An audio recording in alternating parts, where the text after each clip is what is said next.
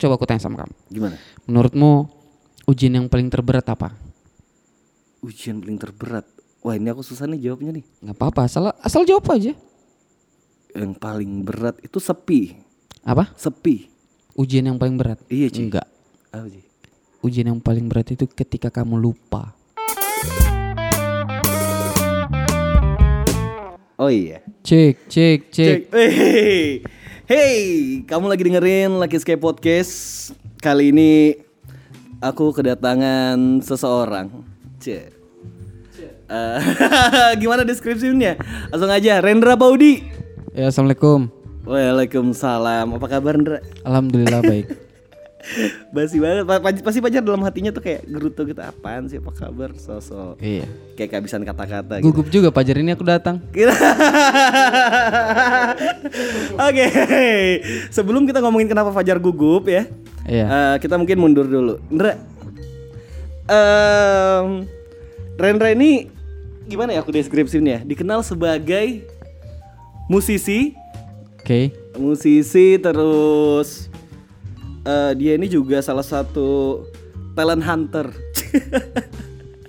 Talent hantu iya. dia tuh jago ngelihat eh, orang-orang yang yang potensial gitu. Terus gitu em, musisi, terus dia juga apa sih kalau bikin musik tuh konten kreator juga bukan sih? Jar, kalau kayak ka- itu bukan konten kreator ya apa? Arranger, arranger. Pokoknya ini orang banyak banget skillnya dan semuanya serius Amin. ini sisi kebalikannya dari aku gitu sudah nggak banyak yang dijagoin nggak serius gitu oke Tapi nggak apa-apa kalau nggak banyak yang dijagoin. Pura-pura jago aja. benar Loh iya, daripada yang pura-pura nggak Itu- jago aja nggak. itu sudah kulakuin Dra sebenarnya beruntung IG itu kan cuma satu menit ya Ya. nah di situ aku sosok ngeblus gitu Ya nggak apa-apa. Memang harus kayak gitu. Karena kalau nggak kayak gitu kita nggak dikenal. iya Eh, karena eh, dikenal orang itu juga perlu, walaupun nggak penting. I- iya sih Perlu. perlu memang Iya. tapi begitu begitu dibutuhin juga kadang nggak ada nggak ada juga gitu Tuh lagi. Oke, kita sebenarnya mundur dulu deh. Kita ngobrolin tentang siapa sih Rendra dan eh bagaimana cerita Rendra itu sampai hari ini ke sebagai dia dia yang dikenal sebagai seorang musisi. Rendra, eh, kamu kecil di mana sih? Aku kecil di Jawa. Di Jawa. Iya, habis itu pindah ke sini. Eh, enggak, enggak, enggak. Di Aku di Jawa sini dulu. sampai Aku di sini dulu. sampai SD. Eh. Aku di sini dulu. Oh, kamu balik papan. Lahir balik papan. Lahir balik papan. Lahir balik papan terus Baru sekolah di Jawa, kayaknya cuma setahun aja baru balik lagi ke sini. SD tuh ya. SD. Balik ke balik Balik papan. ke Balikpapan, ingat betul aku kelas 3 SD main-main ke kampung halamannya bapakku, nggak mau balik ke Balikpapan. Di mana tuh? Gorontalo. Oh, Oke, berarti kamu lama di masa remaja habis di Gorontalo ya? Iya, betul. Oke, gimana Ra, perkenalanmu dengan musik gitu? Kalau perkenalanku dengan musik itu awalnya sih eh, omku. Om. Omku itu bisa main elektron. Oh, berarti kamu emang emang lingkungan kecil atau keluarga circle keluargamu emang emang musik ya? Enggak juga sih. Ah sih. Enggak, cuman ya bisa main gitar-gitar gitu aja omku itu. Oke, terus ada usaha elektron gitu ya? Bukan punyanya dia juga. Dia seenggaknya kamu udah akrab sama musik gitu dari. Eh, ya perkenalan lah. Oke. Pertama instrumen sudah keyboard. Enggak, gitar dulu. Oh pasti ya, Iya. anak tongkrongan ya. Iya, eh. Yoi. Stemnya anu lagi stemnya lagu Peter Pan. Semua tentang kita. Ya, betul oh, lagi. berarti kita sangkatan cuy. Kirain ini yang kalau zaman dulu ting tung ting tung ting tung gitu kan. Iya. Udah nggak harmonik. semua tentang kita Scorpion. Yang mana? Eh, yang apa? Still Loving You ya? Bukan, bukan, bukan, bukan, bukan. Biasanya kan kalau nyetem kalau almarhum bapakku pakai GNR yang ini yang Don't Cry.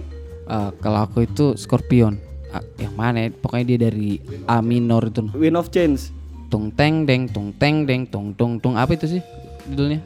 Nah, na, na, Iya, ha. na, na, na, Eh, na, ya na. itu, itu. I'll be there. Lupa sih. Ya itulah. Oke, berarti emang dari gitar ya? Hmm, hmm, hmm.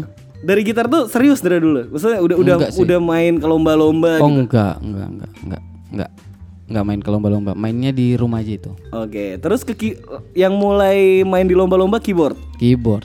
Gimana Ji? Kan karena gini-gini. stigma aku tentang keyboard itu biasa cuma anak orang kaya yang punya cuy. Ya kan kalau kalau gitar tuh merakyat ya. Iya. Gitar tuh merakyat. Kalau bass itu biasanya orang yang main gitar juga tapi punya gitaris jago jadi dia ke bass. Iya. nah kalau keyboard tuh biasa cuma anak orang kaya, Ndra. Tapi aku kalau di Gorontalo kaya. Oh iya, memang Iya. ya. Terus Kaya lah. Soalnya opaku Opa, kalau manggilnya udah opa beda Opa, strata iya. nih kayaknya. Soalnya opaku itu kepala lurah selama 20 tahun di sana. Buset. Gokil nggak? Gokil. Selain kaya lumayan nakal keluargaku di sana. Iya. Jadi dari situ keyboard Ndra ya. Keyboard. Langsung keyboard ya. Iya. Otodidak kursus. Otodidak. Buset. Itu itu itu pun bisa main cuman dua chord aja. Kalau ndak CG, sisanya transpose. Iya. Dari C ya. Benar, Iya. benar. Terus Ndra, kamu dulu tuh langsung main indie atau dari lomba-lomba atau gimana sih? Enggak, main elektron. Oh, kamu langsung elektron, langsung ngejob. Iya. elektron. Aku jadi tahu kenapa Indra, Rendra kalau dulu awal-awal kita kenal orientasi duit terus nih kalau ngomong ya. Loh memang harus kayak gitu. Karena duit itu but penting, penting. Oke. Penting. Ndra, du- dulu cerita tentang itu dong. Tahun berapa sih kamu mulai lomba-lomba? Kalau lomba itu aku tuh pernah ikut lomba itu eh, di Gorontalo itu nggak anu sih ya parade band gitu aja. Para, Nggak parade. Iya. Yoi. nggak festival. Iya. Soalnya kalau festival itu kayaknya ngeri banget. Kalau di sana ngeri. itu Kalau parade? karena- kalau parade itu ya kecek-kecek lah karena aku di Gorontalo itu di desa terpencil ya. Oh gitu. Iya. Emang Gorontalo bisa banget enggak lah. Enggak, tapi aku di di desanya, Oh gitu. di desanya. Eh dan apa ya? SDM di sana juga banyak yang nggak ngerti musik juga. Cuman tahu genjerang genjreng genjerang genjreng. Udah gitu aja. Bahkan yang main bahkan kalau kamu zamanku dulu kamu bisa main drum itu wuh. Keren banget kamu. Iya. Sumpah. Mau aduh, biar kamu hitammu pekat kalau kamu main drum sudahlah. Jadi drum lebih lebih keren dari keyboard. Iya. Drum lu keren. Gimana? Zaman zaman lomba emang udah prestasi-prestasi gimana? Ra? Aku pernah the best keyboard dulu di Gorontalo. Se-Gorontalo? Enggak, sekabupaten. Se- Oh, sekabupaten ada lomba Iya, di kabupaten ada- itu. Iya, jadi ceritanya ada aku lupa berapa pesertanya. Keyboardisnya cuman bandku aja. Jadi aku dapat the best, iya. Iya. Jadi gitu. jadi the best keyboard karena yang main keyboard cuma Cuman kamu. aku aja. iya. Berarti di itu tahun berapa? Sekitar tahun 2005-an deh. Wih 2005 ya. 2005 2006 Emang saat itu emang sekitar stig- sekitar. stigmanya keyboard tuh masih barang yang ini sih. Iya langkah dan kalau kamu tuh udah bisa main keyboard apalagi main drum itu wah banget. Wah banget. ya. Iya. Kalau karena gi- gitar udah merakyat gitu. Iya. ya. Kalau udah keyboard tuh emang emang keren banget sih. Eh. Kalau kamu main bass ah dilihat orang itu gitar juga. Iya, gitu. iya. basis basis tuh eh, gitaris yang yang kalah jago sama gitaris ya gitu. Dan juga mungkin stigmanya gini, eh, ah main bass tuh ya kayak mau main versi gampang dari gitar menurut Menurut orang yang nggak paham loh ya. menurut orang nggak Iya. paham. Ya, Padahal nggak gitu. Padahal nggak Iya. gitu. Aku karena ini bukan ini agak cerita sombong dikit ya. Iya. Aku bisa main main ya gitar, bass, bahkan drum aku bisa. Ya semuanya itu nggak ada yang gampang, nggak ada yang mudah. Apalagi bass. Kalau ndak kalau ndak kawin sama kicknya, Iya sih, bener. Iya kan? Emang emang basis sama keyboard tuh sering konflik sih. Iya, tapi eh, kalau kebanyakan orang-orang hebat itu teman tem- teman partner kalau jalan itu anak band itu Eh, kalau keyboard partnernya pasti bass, iya. bukan drum. Sesama pemain belakang ya. Iya, karena eh, kalau aku diceritain itu ya, kalau aku diceritain salah satu abangku itu karena kalau kita itu sering nongkrong bareng itu chemistry-nya dapat. Jadi di panggung juga akan dapat chemistry-nya. Jadi Oh, gitu. ketika kamu pengen jadi walaupun kamu ndak harus ngomong eh nanti larinya ke sini. Itu temanmu itu udah bisa tahu. Kedipan Kamu- mata aja kata Iya. kalau kata Adi tuh kode kedipan mata aja Eye udah jalan. lah ya kan? Iya. Kedip gini aja udah tahu sudah. Iya, itu. betul lagi. Oke. Tahun berapa datang ke Balikpapan lagi? Habis dari Gorontalo? 2009, aku 2009. lulus SMA, kuliah di sini sambil kuliah di sini. kuliah di Di sini. mana, cuy? U- Uniba? Selesai. Enggak. Wis. Tos dulu kita. Ah, ndak diliatin orang juga kita Iya, tos. Enggak, udah ya kan seenggaknya orang kebayang oh, dia lagi. tos nih. Lu karena di setiap podcastku biar aku ngomong sama Adi, terus kemarin sama Pawung. Aku kayak punya kesenangan ketika wah senasib nih cuy sama-sama kuliah nggak selesai nih. Wah, Iya, Kalau kamu kalau kema- kalau kamu kemarin kuliah nggak selesai kenapa? kuliah nggak selesai karena males. Kalau aku nggak bisa bayar ya. Eh, karena aku kemarin kuliah sambil ngangkot kan. Hah? Aku Aku aku ngangkot maksudnya jadi supir angkot. serius? sih? Serius nomor 2 Ring Road BP itu loh. 2A, 2A, Iya, 2A. 2A, Ring Road BP Iya. 2000. 2009 sampai 2011 kah 2012 Wah, berarti aku gitu. berarti harusnya sempat dapat kamu, Ndra. Harusnya sih. Soalnya aku itu sku- eh, SMK aku SMK 3 di Ring Road. Oh iya. Naik ke BP dapat. dulu, ke BP dulu Iya, betul. yang sampingnya itu, cuy. Iya. Sampingnya pos polisi. Oh, kalau ada kalau pagi-pagi itu banyak anak sekolah itu. Hmm. Banyak anak sekolah. Tapi kamu SMA-mu tahun berapa dulu? 2010. 2010. Eh, aku du SM, SMK itu 2000 tuh, tiga ta- lulus 2010 berarti dari 2008 deh. Iya iya. Bonus. Iya dari 2008 Berarti seharusnya sempat Cuy aku baru tahu Cuy Kalau kamu sempat Seriusan Awal Iya. datang kamu jadi Jadi supir angkot. Keren Jadi supir angkot. Itu belum musik? Belum, Apa? belum dikenal sebagai musisi di sini Belum, jauh. Masih jauh. Sempat dua tahun ya Dua tahun tiga tahun ya Ya sek- sekitar aku berhenti ngangkut itu sekitar 2012 lah. 2012 Wah kamu baru tahu kan Jar? Hmm. Tahu dia. Aku baru tahu banget buset. Makanya dia gugup aku datang kan.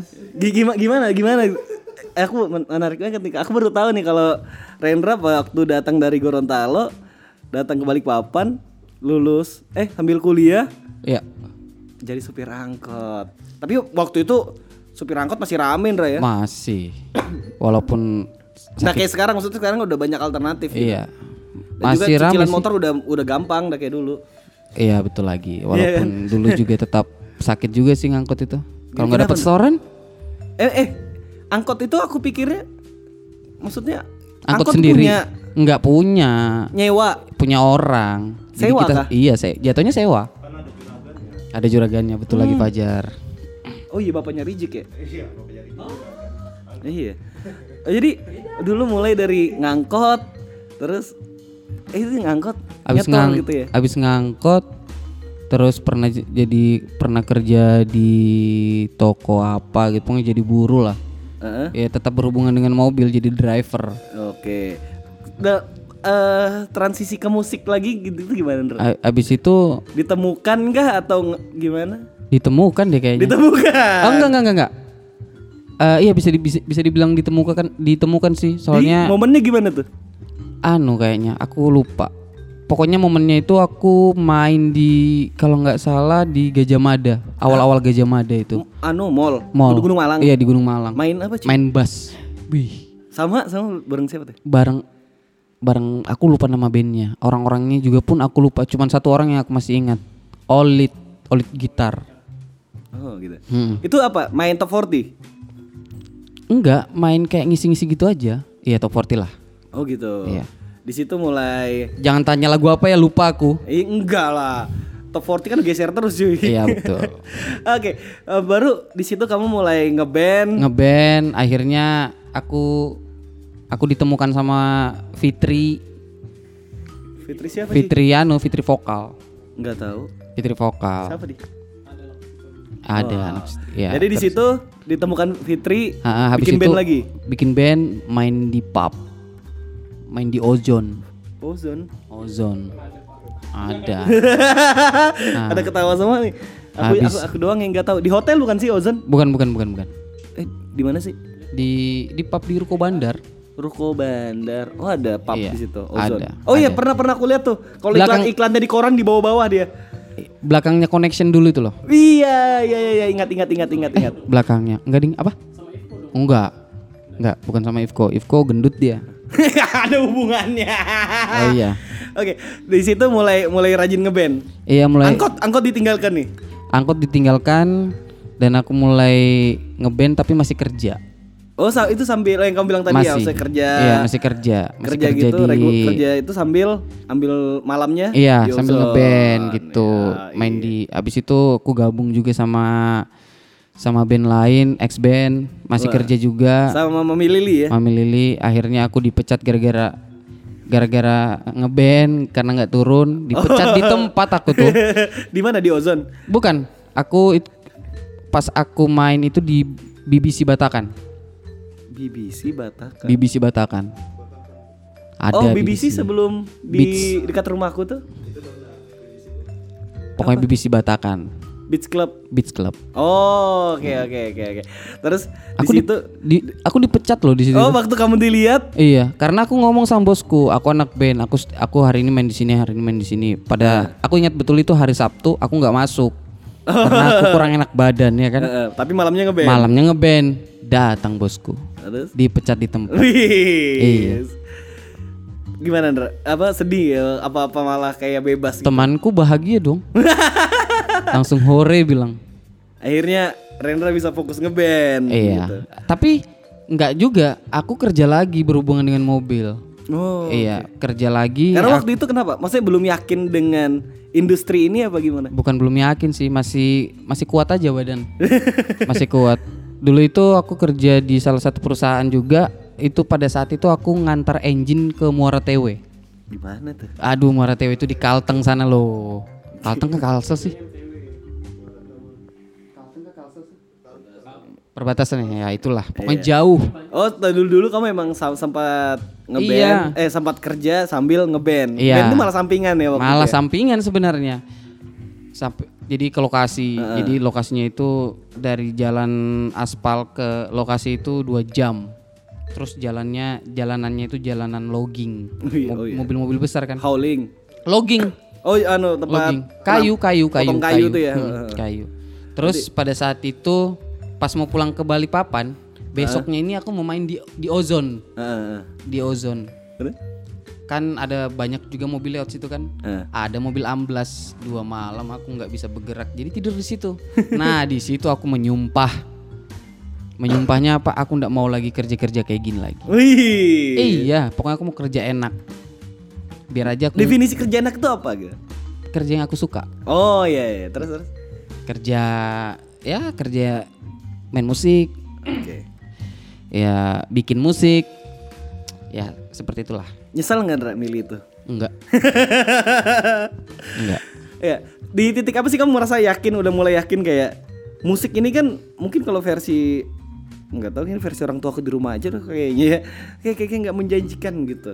Tapi kan dia belum tahu industrinya gitu. Nah Iya. kalau kamu tuh tit- titik merasa oh musik musik ini bisa kok jadi jadi sumber Penghasilan. penghasilan gitu. Jadi profesi bahkan. Nah, kalau aku sih sebenarnya nggak ngerti ya di titik mana. Cuman aku yakin aja dengan apa yang aku jalanin ini. Jadi kalau ditanya di titik mana, ya nggak tahu. Aku cuman eh, yakin dengan jalanku, dengan hobiku juga bisa di bisa menjadi bisa menghasilkan uang. Ya mungkin di titik itu aja.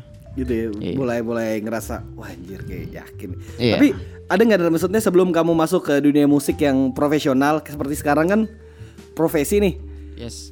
waktu itu kalau gimana sih aku ng- ngomong ke, ke lebih ke anu nih putar-putar intinya waktu kamu masuk ternyata kamu baru tahu nih oh dunianya tuh kayak gini ya di luar ekspektasimu ada nggak hal-hal yang Enggak sih kalau aku nggak ada yang ku herankan atau aku ku, wah begini enggak sih sebenarnya ngalir aja sih. ada mungkin ya karena industrinya atau persaingannya terus aku. Malah kalau aku yang yang heran itu malah ketika aku masuk di dunia industri bikin musik, oh gitu iya yang aku kenapa bikin. kenapa Karena lebih lebih jadi berarti masih sih. udah ke studio produksi ya Iya, lebih menarik sih dan lebih kayak lebih kita dituntut untuk lebih bisa mengeksplor hayalan kita. Wih, sini nih. Iya, menarik karena lagi.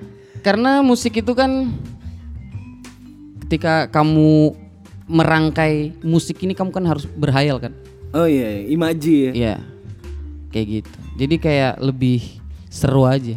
Di situ eh, mau ngerasa kayak wah, kayaknya keren nih kalau misalkan sesuatu yang dari bermula dari imaji terus menjadi sebuah Karya. karya yang bisa Iya. di-share atau ditayangkan ke orang-orang gitu. Iya, apalagi ketika salah satu produksimu itu bisa viral, bisa dikenal, didengar orang banyak. Wuh, enaknya itu. Sudah ada Ndra? Sudah ada nggak? Ada. Salah. Ah, nanti terkenal lagi dia. Siapa? ya? Ada. Mr. Headbox bukan? Ah, nggak usah sebut nama. Kan bukan namanya itu. Oh iya, betul. Namanya kan si ya, Tapi kan orang kenalnya dia itu. Tapi ya nggak apa-apa. nggak apa-apa. Oke. Iya, itu itu itu menurut kamu pencapaian tertinggi bener? Enggak sih, Belum. belum. Atau belum ada atau Belum ada. belum ada. Karena kalau aku tolak ukur pencapaian tertinggiku itu itu kar- itu semua karyaku. Walaupun bukan aku yang nyanyiin. Oke. Iya. Kalau Oke. Mr. Headbox kemarin itu aku aku berdua sama guruku di Siapa studio. Gondes. Oh iya. Yang iya. garap itu. Oke, kita mundur ke Mr. Headbox nih, Mr. Headbox. Waktu ngerjain kamu expect nggak itu bakal worldwide gitu, bakal bakal bakal dunia bakal nikmatin itu gitu. Kalau aku itu dulu nggak pernah mikir ini bakal viral atau enggak sih. Ini bakal ini bakal ya bakal heboh atau enggak. Kalau aku itu dulu malah mikirnya ya udah ngalir aja. Yang penting kedengaran enak aja. Udah aku nggak mikirin lagi nanti mau ini arahnya ke mana, ini bakal didengar internasional kah, mau inter akhirat kah atau apakah, Mau Inter Milan inter ya. Milan kah? Nggak pernah sih aku. Tapi waktu waktu ngerjain kan, waktu ngerjain dan then kamu ngel- mulai ngeliat nih mungkin eh, salah satu media yang nge-post pertama kali itu Indozone ya. Iya. Indozone gimana Ra, kamu? Ah anjing nyampe sini nih. Loh, ah, iya. Itu gimana tuh? itu aku ya juga rada-rada ya rada-rada anu sedikit lah ya kan membanggakan diriku dan dirinya Gondes juga kan wih ini garapan kita ini bisa meledak ini gokil lah Gokil. Ya, kayak gitu lah Itu itu pencapaian itu jadi maksudnya jadi beban atau malah jadi motivasi? Maksudnya ya aku pernah sampai di level ini nih produksianku nih. Mhm. Itu malah jadi enggak sih kalau aku kalau aku yang kayak kayak gitu itu sebenarnya bonus aja bukan kalau aku sih nggak ngetarget ini harus viral atau apa karena memang dari start awalnya nggak punya target yang kayak gitu oke. kalau aku pribadi sih begitu Duluan mana sih Biru Tamela sama Mr. Headbox? headbox lah Biru Tamela mulai 2018. Nah, Rendra juga menjadi salah satu orang di belakang produksi itu, Jar ya. Oh ingat betul aku pas mereka mau launching itu. Gimana gimana gimana? Uh, ngangkutin alat. Itu di kan ada aku tuh di hotel. I, tapi kan di, di- dari studio kita kan startnya dari studio itu. Oh iya iya iya benar. Itu ya. Nah, itu kan salah satu inimu juga ya. Maksudnya salah satu legacy lah. Kita per- kamu pernah jadi bagian dari produksi Biru Tamela dan kamu ngelihat Biru Tamela sekarang Dra. Misalnya salah satu pencapaian juga kan kalau aku ngelihatnya Biru Tamela udah sekarang kalau rintik malam tuh dinyanyiin cuy, itu udah auto singalong men di mana pun gitu. Dari dari Balikpapan kota sampai timur tuh kalau tiap dibawain singalong cuy. Itu itu gimana? Tapi gini, Gimana gimana? itu dulu. Dulu. Kalau dulu mungkin iya. Kalau sekarang belum tentu. Karena yang aku lihat sekarang Biru Tamaela ini udah nggak produktif lagi. Nah, nggak se PR PR PR-nya di situ. Ketika ketika nah ket- ketika kita ini mau ngeband, kita kita ini harus deal dulu kita arahnya mau ke mana. Kalau Oke. mau ke reguler-reguler ya udah biasa aja. Heeh. Tapi kalau mau ke ngindi, mau ke industri yang lebih lagi dari nggak cuma sekedar reguler, harus produktif. Oke. Memang ada jarak yang panjang ya dari dari album itu apa sih nama albumnya? Album Gadis Kecil itu EP si 5 lagu ya. Sampai ke lagu single em, Tak Mampu sampai yang hari ini lagi di prepare tuh kunang-kunang ya. Itu emang emang emang jarak yang jauh sih. Iya, tapi aku nggak tahu kenapa ya. Mungkin entah mungkin mereka anak-anak biru Tamel ini mungkin punya trik lain ya, sehingga mungkin entah mereka ini memang sengaja untuk eh, tidak mempublish karyanya mereka atau entah mereka tunggu momen. Tapi ya kalau kamu bilang em, biru Tamela itu adalah salah satu legasiku juga yang lebih sebenarnya itu ya Gondes. Godes ya, Bang Iya. Gondes emang ya. Ah. Kalau aku cuman sekedar anu aja sih. Ya mikir ini enaknya diginiin, ini enaknya diginiin. Sisanya ya mereka yang explore gitu. Oke. Oke. Kalau tadi mau ngomong apa ya? Anjir aku ke- kebawa Rendra ngomong nih. Sampai lupa pertanyaanku. Oke. Sekarang kan kamu udah ngelihat eh kalau menurut kamu Ndra harus harus ah, ini teman-teman harus ngapain lagi sih? Harus produktif lagi. Gitu. Karena aku Nah, nggak tahu oh iya. mereka produktif atau enggak loh ya. Oke. Produktif sih kalau aku lihat. Oh, berarti mereka berarti mereka punya teh teknik lain, teknik Cuman emang marketing nggak yang nggak lain. energinya nggak seperti di awal sih. Oke, effortnya beda ya. nggak mungkin ya bukan effort sih Ka- karena sekarang kalau kulihat kan ada yang sudah nikah Oke. ya macam-macam lah ya, Kamu udah pengen nikah kah? Pengen nanti itu kita bahas ya Oh, iya. oke Ndra eh, kalau misalkan Biru Tamela dengan konsep album pertama itu launchingnya hari ini, kamu ngerasa itu feedbacknya bakal nasibnya akan sama nggak? Enggak. kenapa? Kenapa? Kenapa? Enggak. Karena pada saat itu momen-momennya itu eh, orang-orang lagi seneng dengar musik-musik yang seperti itu. Terus aku nggak tahu ya, entah mereka punya referensi memang musik-musik seperti itu atau atau enggak. Tapi kalau menurutku enggak sih. Tapi yang ku tahu mereka sebelumnya metal sih. Metal ya. Iya musik-musik keras gitu Tapi kan. hebat loh mereka. Kalau dari kalau banting setir gitu Ekstrim ya? ekstrim dari metal loh. Kalau dari metal ke rock masih ada distorsinya lah. Iya. Iya kan? Tapi kalau dari metal ke lagu-lagu tenang Folks gitu, gitu Fox ya. gitu hebat. Iya, iya. Berarti emang Lucky Bastard ya maksudnya karya itu bisa bagus tapi dengan momen yang yang yang nggak tepat itu bisa jadi impactnya nggak sama Andre. Betul, sama aja gini lah. Ketika kamu kamu mau jualan ini, Iya. kamu jualan masakanmu tuh enak. Tapi kalau posisi tempatmu jualan itu nggak pas, nggak ada yang datang. Iya. benar, Iya. benar. Itu yang bilang aku anu sih. Banyak aspek ya. Iya. Berarti emang apa pun yang kita ciptakan bukan cuman sekedar ngobrolin bagus, jelek atau enak enggak, tapi juga ada aspek-aspek eksternal Iya yang dong. mesti Iya. dipertimbangkan seperti dong. momen, Mm-hmm. packaging dan lain-lain ya. Oke. Terus kamu kamu ha- sampai hari ini bikin karya, Andre? Ah, As kalau personal gitu. kalau sekarang itu kalau kemarin-kemarin aku ada kok. Aku Apa, ada apa, bikin-bikin karya, bikin tapi tapi ya nggak pernah aku publish. Tapi sekarang-sekarang ini aku kayak mikirin aku aku pengen bikin karya, bahkan aku pengen dilihat orang. Bak- makanya kemarin aku ada bikin karya eh, lagu Suara Cinta Anak Indonesia. Oh iya iya, iya. itu proyekan cewek-cewek itu ya. Iya cewek-cewek. Itu itu proyekmu tuh. Proyekku. Jadi itu aku yang garap semua dari A sampai Z. Wih. Tapi sayangnya ini, karena ini itu itu karena momen Kenapa? Momen waktu itu apa? anu kan eh Bencana bukan? bukan bukan korupsi bencana Oh iya iya iya lagi kayak kayak lagi gitu Ha-ha. corona kan lagi banyak isu lah ya. iya betul jadi bikin lagunya yang kayak kayak gitu Eh sebelumnya kamu di Palker juga kan cuy? enggak sih kalau di Palker itu sama aja kayak di Biru Tamela cuman Tapi main. iya ya kalau itu ibaratnya kayak additional player aja lah Oh waktu itu iya. edisional ya. Aku pikir kamu udah udah ini udah mulai. kalau kalau gitu kan aku Biru Tamela juga dong launchingnya aku main Iya kah? iya main aku Main? Oh oh iya oh iya iya ingat ingat ingat ingat ingat. ingat. Baru. Oke. Gimana? Setelah itu bisa dikatakan suara cinta anak Indonesia itu karya perdana. Eh iya enggak sih? Maksudnya Enggak perdana eh, kamu kamu yang garap semua lirik apa segala macam tuh kamu gitu. Mm, Itu kal- emang- kalau perdana aku kayak aku kayak bikin liriknya enggak sih ada beberapa lagu juga aku bikin eh, dari A sampai X Ih, sampai.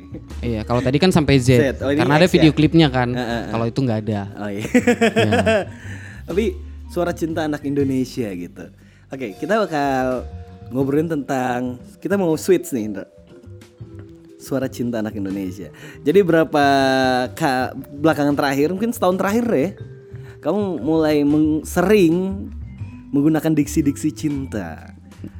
Ya beberapa bulan terakhir lah Berapa eh, berapa bulan terakhir? Tapi sebelumnya sebelumnya ini kita switch nih dari ngobrolin musik ta- tapi sudah tadi kan udah ngomongin perkenalan tentang Rendra terus ngobrolin musik gitu. Ini switch dari musik ke perjalanan spiritual mungkin ya Indra ya. Lebih Oke. tepatnya. Nah, eh setelah corona waktu itu corona di Nggak, kok, ntar dulu kok kamu tahu perjalanan spiritual sih Iya, karena aku nggak nemu diksi yang mewakili selain itu. oke Nah, waktu itu corona dan job mungkin udah mulai turun ya karena regulasi segala macam Yes. ya. Itu kamu ke Yogyakarta. iya Nah, itu ceritain. Itu gimana tuh? Gimana tuh? jadi eh, momen aku ke Yogyakarta itu pas aku lagi galau Itu Januari ya? Eh, itu Desember tanggal 2 ke tanggal 2 deh kayaknya. 2020. 2020. 2020. Itu masih corona masih Masih serem ya. Kita mungkin Masih. belum bisa nongkrong kayak gini ya. belum. Tapi bisa, tapi bisa ke Jogja. Iya. Oke, itu akhir tahun. Jadi kita nggak boleh ngomongin corona ini. Siapa bilang? Oh, Oke, Boleh lah. oke. Nanti viral kamu. Nggak terlalu peduli sih. Nggak apa-apa kalau ada uangnya. Oke, Ndra, waktu itu sebelum kamu berangkat ke Jogja, Ndra, apa pertimbanganmu, Ndra? Ngapain? Apa sih yang titik titik wah kayaknya aku harus ke Jogja nih. Jadi gini, pada saat itu kan corona tuh, Iya. aku ini kan punya punya utang, Utang ya kan? Punya Di bank? utang di bank, punya temen, ya kan? Terus aku itu galau, ya adalah sedikit-sedikit ceweknya juga. Oh, ini kompleks lah galaunya ya, ya finansial, asmara Iya. segala macam. Iya, Terus betul lagi. Habis itu aku ini nggak punya kerjaan, nggak punya uang, mau bayar mau bayar utang ini kayak mana ya? Aku nggak punya uang ya, nggak ada karena kan nggak ada kerjaan Nggak kan. ada, nggak ada. Kita ditutup semua bener. ketika pemerintah memberikan kebijakan tanpa solusi itu. Iya iya iya. iya. Iya. Jadi Solusinya ada sih. Lu, kamu dapat gak sih 600 ribu sebulan? ah bukan solusi itu. Nggak, aku nggak dapat. Eh sama sih. Ada teman aku dapat tapi dia bagi-bagi. Yang di dom itu kan. Iya. Iya di Udom ya. Iya. Terus terus.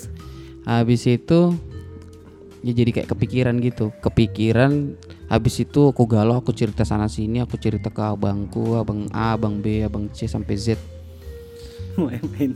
Iya, ketika Z itu Zulfikar ya? ya katakanlah seperti itu. Terus terus. Habis itu aku dapat satu pertanyaan Dari? dari abangku ini, Ah. ya kan? Dia tanya ketika aku curhat dengan semua permasalahanku, bahkan aku curhat sama sam- sama dia sampai nangis-nangis. Dia tanya, "Kamu punya Tuhan? Kamu punya Ra- Rasulullah?" Kayak gitu. Punya, Manrup buka. punya. Aku bilang kan, Terus terus. "Kamu cinta sama Tuhan dan dan Rasulmu?" Dengan pedenya aku bilang aku cinta. Karena kamu belum ngerti pertanyaannya. Ngerti? Belum.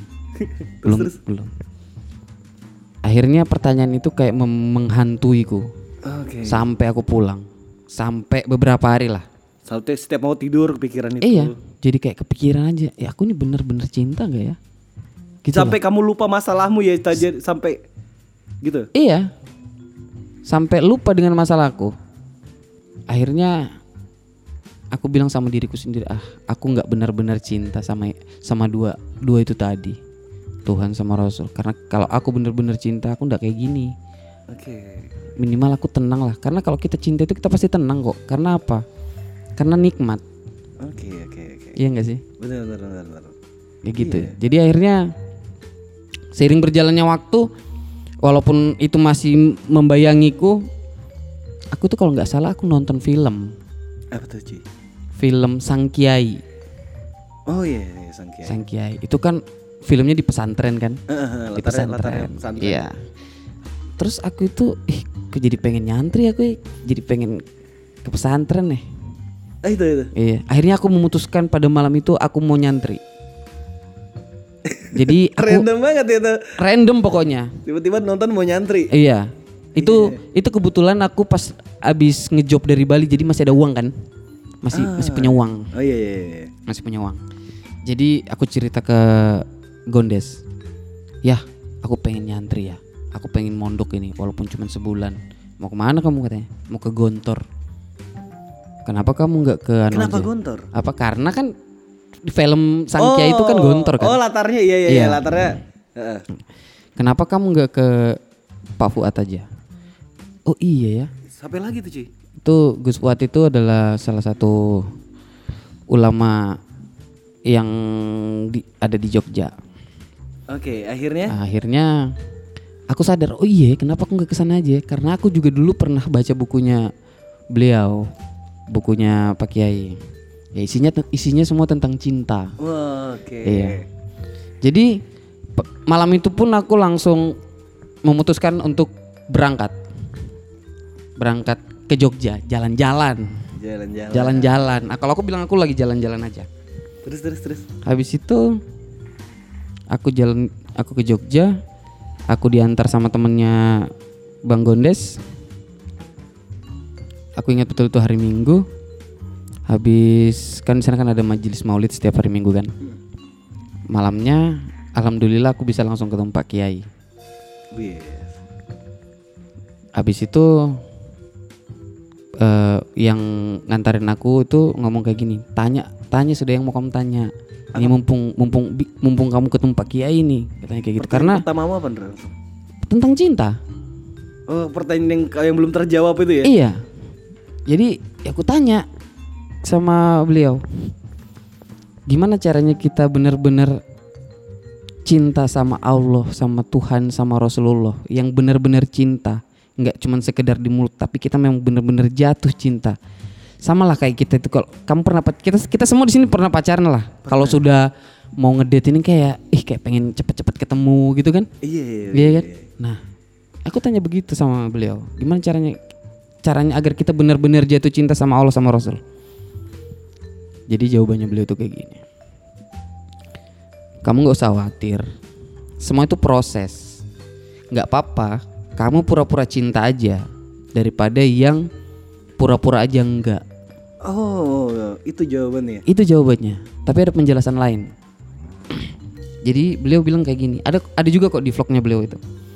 Jadi dulu zaman zaman Rasulullah itu ada salah satu sahabat, aku lupa namanya sahabat sahabat, sahabat itu namanya siapa. Ada sahabat itu yang posisinya sama, cuman pura-pura cinta aja sama Rasulullah. Pura-pura ya. Cuman karena masalah perut. Oh, oke. Karena kalau dekat dengan Rasulullah itu Endorsementnya banyak. bias makanannya banyak dan enak-enak. Oh, oke. Ditanya sama temannya ini, eh ngapain kamu deket-deket sama Rasulullah? Nggak apa-apa, aku cuma pura-pura cinta aja. Loh kok bisa? Iya kalau di sana itu makanannya enak-enak, banyak pula. Oh iya iya iya. Ya akhirnya dia jadi cinta beneran sama Rasulullah. Di, mom- gitu. di momen Apa itu? eh, mungkin karena dia sering ikut ceramah atau gitu ya, tausiah gitu ya. Enggak, karena dia melihat sosok. Sosok ya. Karena dia melihat sosok, karena dia melihat akhlaknya Rasulullah ini, ini nggak pantas kalau cuma aku pura-pura cinta. Oke. Bahkan ada salah satu sahabat itu yang bilang kayak gini sama Rasulullah. Jadi Rasulullah itu per- ad- ngomong kayak gini ke salah satu sahabat. Ak- eh, kelemahanku itu lupa ngingat nama aja. Tapi yang lain juga Konteksnya banyak ingat banyak ya? banyak lemah lah. Iya. Jadi dia bilang kayak gini. Nanti tempatmu di surga, katanya Rasulullah ini. Habis itu habis itu si sahabat ini ngomongnya apa yuk? Ngapain aku di surga kalau aku tidak bisa bertemu dengan kamu? Artinya surga ini nggak ada apa-apanya dibanding Rasulullah sampai merinding aku ngomong nah. Iya. Iya. Oke. Di di sana di Jogja satu bulan, Re. Sekira- Satu bulan. satu bulan. Satu bulan. Belajar apa aja, Re? Belajar cinta di sana itu. Ya kita ya kita ngaji, ngaji. Ya ngaji tetap ngaji, tapi setelah ngaji itu kita ngobrol, kita Diskusi gitu ya? diskusi gitu. Ya, yang kita bahas itu tentang cinta. Wah. Jadi definisi cinta sebelum dan sesudah ini apa, Ndra? Sebelum ke sana dan sebelum kamu berangkat sampai sampai di sana itu apa yang berubah? Yang berubah adalah kalau aku sekarang mungkin aku sekarang itu sekarang ini ya di pos di di fase ya pura-pura cinta. Memaknai, memaknai. Iya. Memaknai Jadi gini, cinta. kalau cinta itu kalau aku bilang cinta itu nasihat. Waduh? Cinta itu akhlak, cinta itu adab, dan cinta itu agama. Wes. Seru. Ini yang paling ini podcastku paling serius nih selama bikin nih. Karena nggak ada agama yang tidak membelajarkan tentang cinta. Berarti bagaimana tentang pandangan yang beribadah karena takut ancaman? Maksudnya karena takut neraka, karena takut Ya nggak apa-apa, nggak apa-apa. Agama kita ini simple kok. Jadi ketika Nah, kamu ini belum, aku suka yang simpel-simpel nih gimana tuh? jadi ketika jadi ketika kamu belum paham, belum ngerti, ya nggak apa-apa. Kamu beribadah karena kamu takut neraka aja. Nggak Oh, nggak apa-apa, apa- nggak apa-apa nggak apa-apa. apa-apa ya? Kamu belum paham kok. Oke. Kamu belum paham. Pahamnya itu Yang- karena perjalanan ya. Bisa dibilang kayak gitu. Oke oke oke, ini seru nih. Nah, sekarang kamu ketika dengar kata cinta, memaknainya gimana sih, Ndra? Maksudnya apa apa itu? Maksudnya kalau dulu aku Ndra sebelum ya mungkin aku nggak sebanyak kamu literatur tentang cintanya ya. Enggak, kamu banyak juga kok. Alah, Cinta ya dulu cinta ya cinta, cinta antar manusia, manusia dan dan dan pasangan gitu doang. Tapi makin ke sini aku nggak percaya cinta, Ndra. Maksudnya aku mungkin bakal menempatkan cinta ke suatu tempat yang aku belum tahu di mana. Tapi kalau selama itu hubungan manusia, Ndra, cinta itu nggak ada, Ndra. Jadi gini, cinta itu prasangka kita. Artinya, ketika kamu melihat melihat semua melihat cinta itu baik, cinta itu akan baik. Kalau kamu melihat cinta itu buruk, cinta itu akan buruk. Oke. Aku karena ngelihat cinta itu baik, jadi aku nggak nggak nggak taruh dia ke ranah yang sifatnya antar manusia. nggak apa-apa juga nggak apa-apa juga kalau kalau kita menempatkan cinta ini antara manusia ya nggak apa-apa cinta itu kan luas Iya iya iya. iya. terserah kamu mau jadikan cinta ini seperti apa mau kamu jadikan Tuhan kah mau ka- mau kamu jadikan apa pun nggak masalah kah? iya nggak apa-apa ketika nggak apa-apa kamu cinta vendor ya pokoknya kamu ketika kamu punya uang beli ya vendor vendor vendor vendor aja nggak apa-apa simple kok Oke oke oke menarik. Jadi apa apa itu artinya cara kamu mencintai manusia saat ini udah udah beda Ndra? kriterianya. jadi gini Gimana sih? Kalau aku sebelum aku mencintai manusia, Ya. sekarang itu aku berusaha dan ini yang kuterapkan selama ini. Semoga istiqomah ya. Amin. Aku mencintai diriku sendiri. Wis. Kenapa? Konteksnya gimana? Karena gini. Ya karena aku mau membuat diriku nyaman. Oke. Kalau aku mencintai diriku sendiri, aku ini akan menjaga diriku. Contoh, katakanlah ketika aku lagi jalan di motor, teret, habis itu ada orang hampir nabrak aku. Aku harus ingat ini, aku mau mencintai diriku sendiri, aku ndak mau marah. Oke. Karena ketika kamu marah, eh cintamu ini akan luntur lagi nih nah. Karena apa? Marah itu capek, emosi itu Bukannya kalau kita marah tuh mekanisme pertahanan gitu. Ih, kamu tuh hampir nyakitin aku tau. ya nggak apa-apa. Artinya artinya gini, kalau kita mau ngomongin masalah marah, karena dampaknya marah ini bisa melebar. Oke. Iya benar benar. Man- bisa jadi orang orang itu bawa pisau, ah, aku ditikam. Bisa jadi dendam ya kan? Bisa jadi. Bisa jadi dendam. Bisa. Bisa jadi anu ngata-ngatain di Instastory. Ya betul, karena gini. Karena kalau kita bisa berpikir lebih jauh lagi, Asik deh. ketika kita di jalan hampir ditabrak orang, itu kamu lagi di stopin sama si sang maha cinta ini nah. Kalau kita bisa berpikir kayak gitu, bisa jadi 100 meter lagi kamu bukan hampir ditabrak lagi sama motor tronton yang yang nabrak kamu. Oh, oke oke oke oke oke. Sejauh itu Ndra ya. Bisa ya. Husnuzonnya se, se segitunya. Karena aku sekarang mau mencintai diriku sendiri. Asik.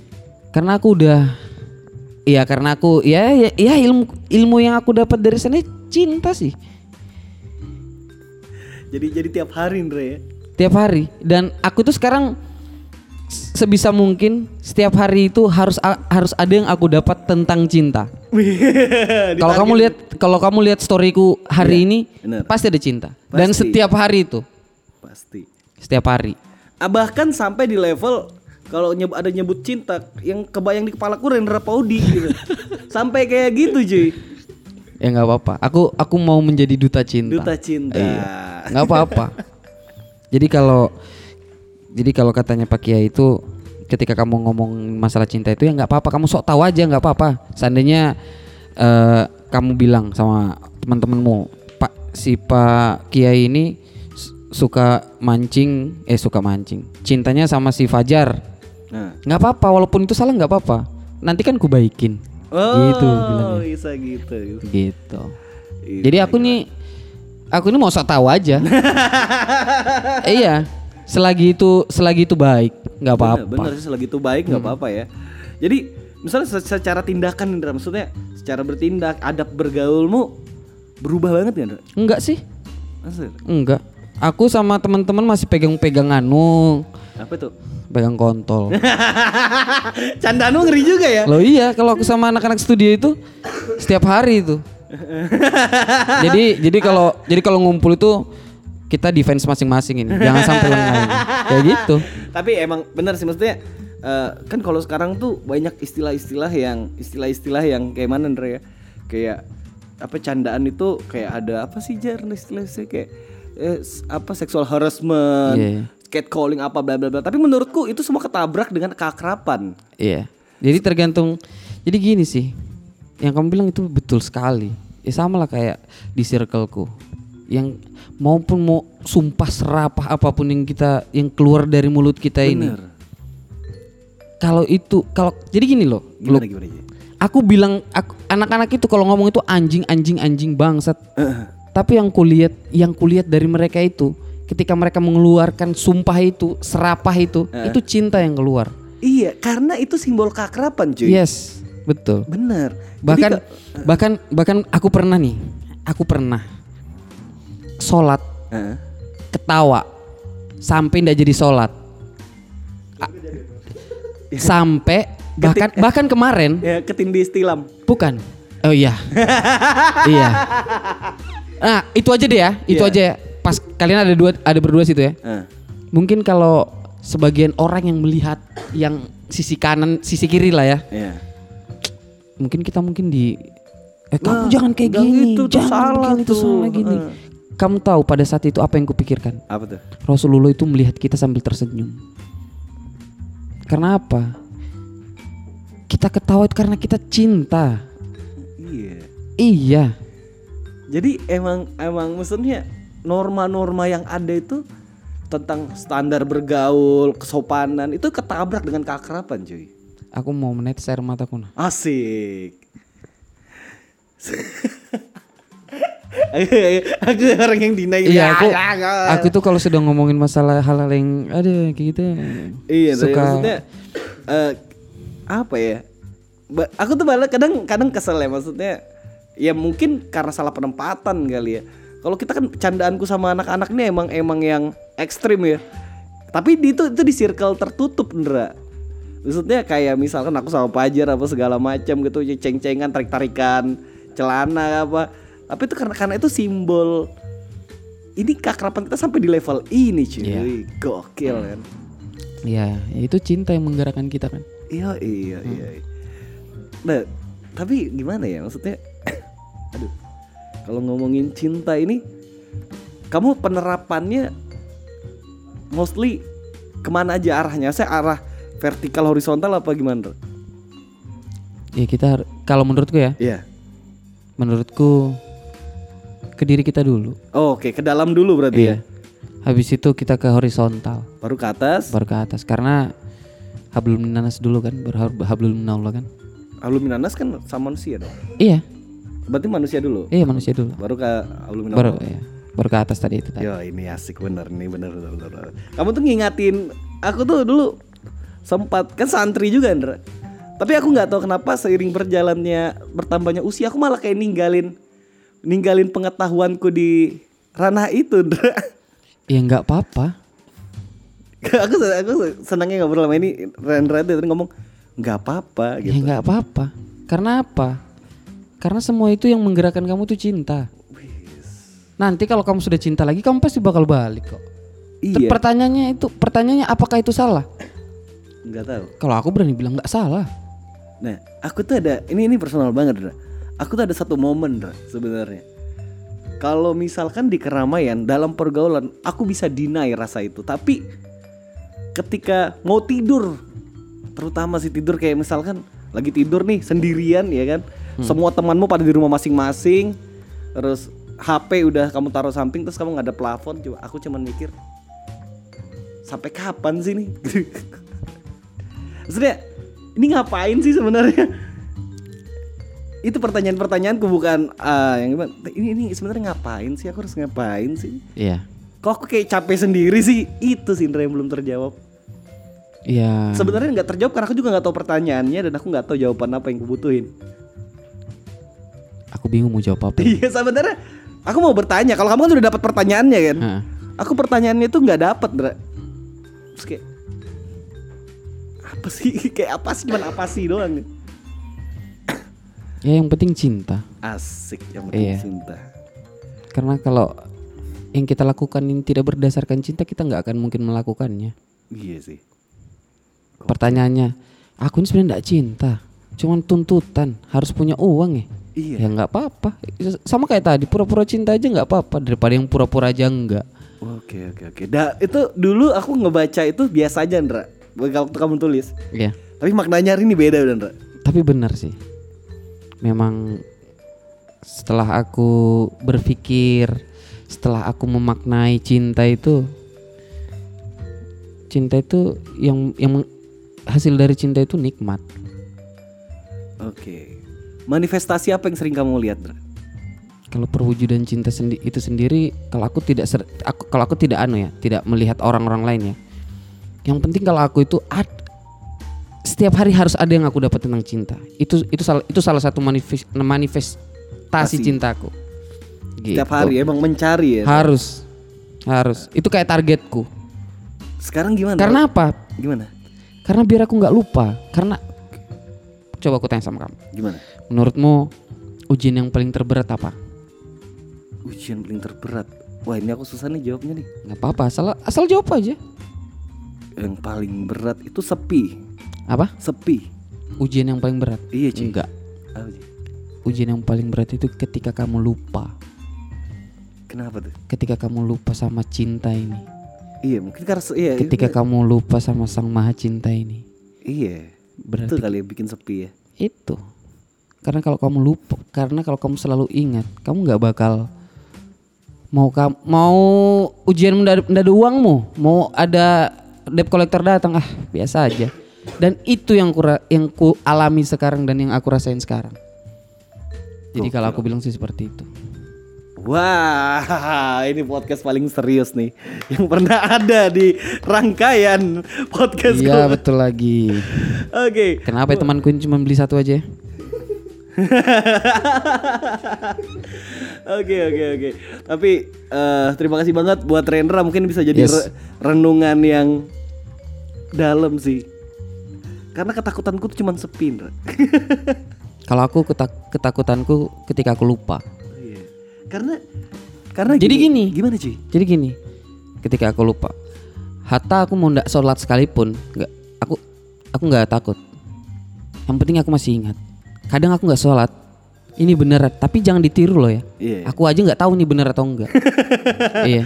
Kalau subuh itu alarm alarm bunyi, kalau aku lagi malas, aku ngomong sendiri. Ya Allah, aku izin dulu nah, please. Sama kayak guru BK ya. Iya, kalau aku begitu. Tapi semua ada ilmunya loh ya. Iya iya iya. Jangan nanti eh kenapa kamu kayak gitu? Ya aku dengernya Rendra ya begitu. ah, bahaya kalau gitu. Rendra punya dispensasi, buset. Bukan punya dispensasi. Cuman apa ya? Ya aku bilang tadi itu, yang aku bilang tadi itu.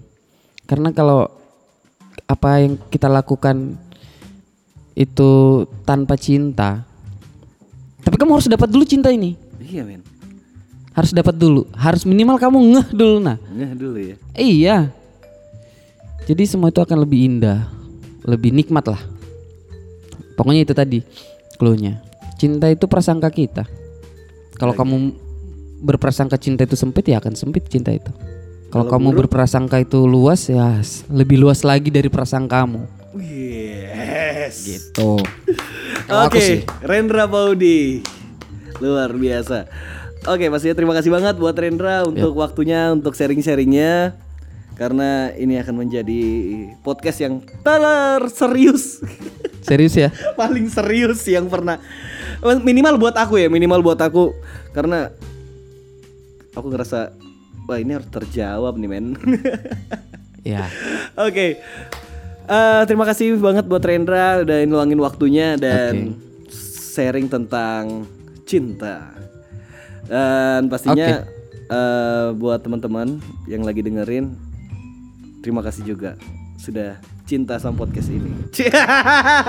Aku punya quote. Apa tuh wah ini nih? Cintailah cinta Eh. sebagaimana cinta telah mencintai cinta. Wih, dalam. Jika cinta tidak mencintai cinta, maka cinta tidak akan mencintai cinta sebagaimana cinta telah mencintai cinta. Kita adalah cinta, cinta adalah kita. Hidup ikhlas, menikah lalu mati. Assalamualaikum warahmatullahi wabarakatuh.